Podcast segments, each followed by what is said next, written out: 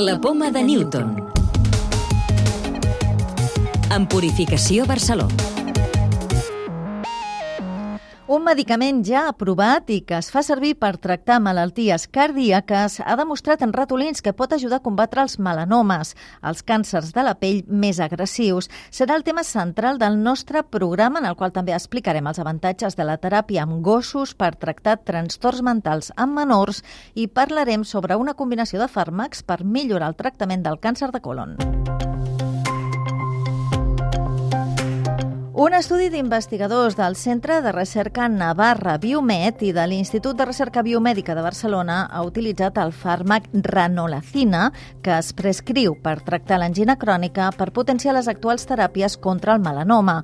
El que han aconseguit és frenar les resistències del tumor a les teràpies dirigides i afavorir l'efecte de les immunoteràpies. Ho explica Imanol Aroz Arena, un dels responsables de la investigació. La ranolacina hacía que las células tumorales fuesen más visibles al sistema inmune. No, eh, pensamos que quizás eh, eh, sería posible combinar la ranolacina con lo que se llaman inmunoterapias. Combinando por un lado el bloquear los frenos de mano del sistema inmune con hacer a las células tumorales más visibles, podríamos mejorar las respuestas tumorales a la inmunoterapia. Y así es lo que, y eso es lo que observamos. En sí mismo la ranolacina no mata a las células tumorales, lo que hace es colaborar con otros tratamientos, las terapias dirigidas que afectan al tumor y otro, la inmunoterapia, que está dirigido contra el sistema inmune para que ataque mejor al tumor. Con un fármaco que ya está aprobado para pacientes, podíamos mejorar las respuestas, obviamente en ratones, a dos terapias distintas que se utilizan hoy en melanoma, que son las terapias dirigidas i les immunoterapies. Tot i tractar-se d'un estudi en ratolins, els bons resultats i el fet que sigui un medicament ja aprovat poden facilitar l'inici dels assajos en humans. Ara caldrà veure els efectes d'aquestes combinacions de fàrmacs fàrmacs en malalts i també si el fàrmac pot ser útil per tractar altres tipus de tumors.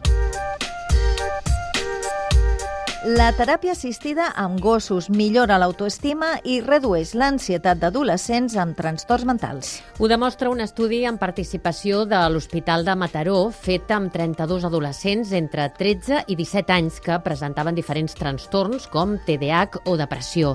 La teràpia amb gossos va afavorir la seva seguretat, confiança i autoestima i va disminuir l'ansietat, com explica la terapeuta ocupacional Maite Roman, que ha participat en el projecte. La teràpia assistida amb gossos és beneficiosa per a adolescents amb problemes de salut mental. L'entrada del gos a la unitat és un element motivador per participar a la teràpia. A més, a les sessions es desenvolupen habilitats socials i de comunicació. Es fomenta la responsabilitat sobre el compromís i la cura de l'animal i es crea una connexió emocional. Una nova combinació de fàrmacs aconsegueix millorar la supervivència i retardar la progressió del càncer de colon metastàtic. El que han fet ha estat afegir un anticòs a dos altres fàrmacs que s'havien fet servir sense incrementar la toxicitat de la teràpia. S'ha administrat a pacients que s'havien quedat sense opcions de tractament. Josep Tabernero és el director de l'Institut d'Oncologia Vall d'Hebron, centre que ha participat en l'estudi. El que guanyem en, en valors absoluts amb la mitjana que en diem de supervivència són 3 mesos. Això vol dir que hi ha malalts que es beneficien més i hi ha malalts que es beneficien menys. En el context de la malaltia, en una situació de refractaritat, aquestes dades no deixen de ser clínicament importants.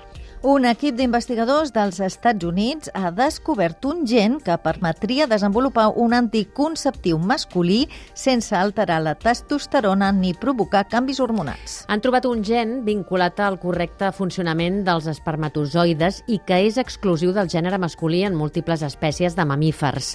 La recerca ha descobert que inhibint la proteïna relacionada amb aquest gen es continuen produint espermatozoides, però no tenen ni la concentració, ni la morfologia, ni la mobilitat capacitat necessàries per poder generar un embaràs.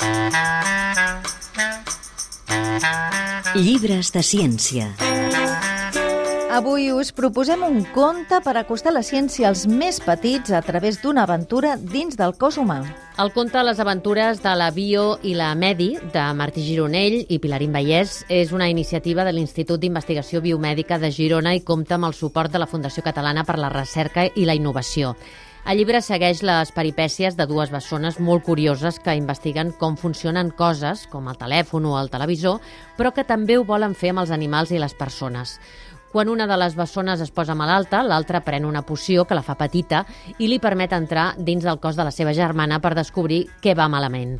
Així, a través d'aquest viatge, els infants descobriran, per exemple, com funciona el sistema immunitari, quins racons secrets té el nostre cos o com es pot combatre un virus. En definitiva, un conte educatiu útil per les famílies i escoles per despertar la curiositat científica entre els més petits. La clau de volta.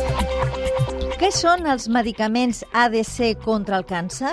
Ens ho explica Aleix Prat, director de l'Institut d'Oncologia de l'Hospital Clínic. Són anticossos que van dirigits contra una proteïna del tumor i dins l'anticòs hi va molècules petites de, de quimioteràpia molt, molt potent. Quimioteràpia que no podríem donar per la vena convencional, però en canvi sí que podem donar amb dosis micro a dins un anticòs. No? Aleshores, el camp està explotant perquè no és només aportar quimio, sinó que aquests anticossos poden portar altres coses. Per exemple, coses que ajudin al sistema immunològic, per exemple. Aleshores, és un camp ara mateix que està iniciant-se i amb molta, molta esperança. Recordeu que podeu descarregar-vos el podcast de la Poma de Newton o subscriure-us al programa per rebre'l directament als vostres dispositius.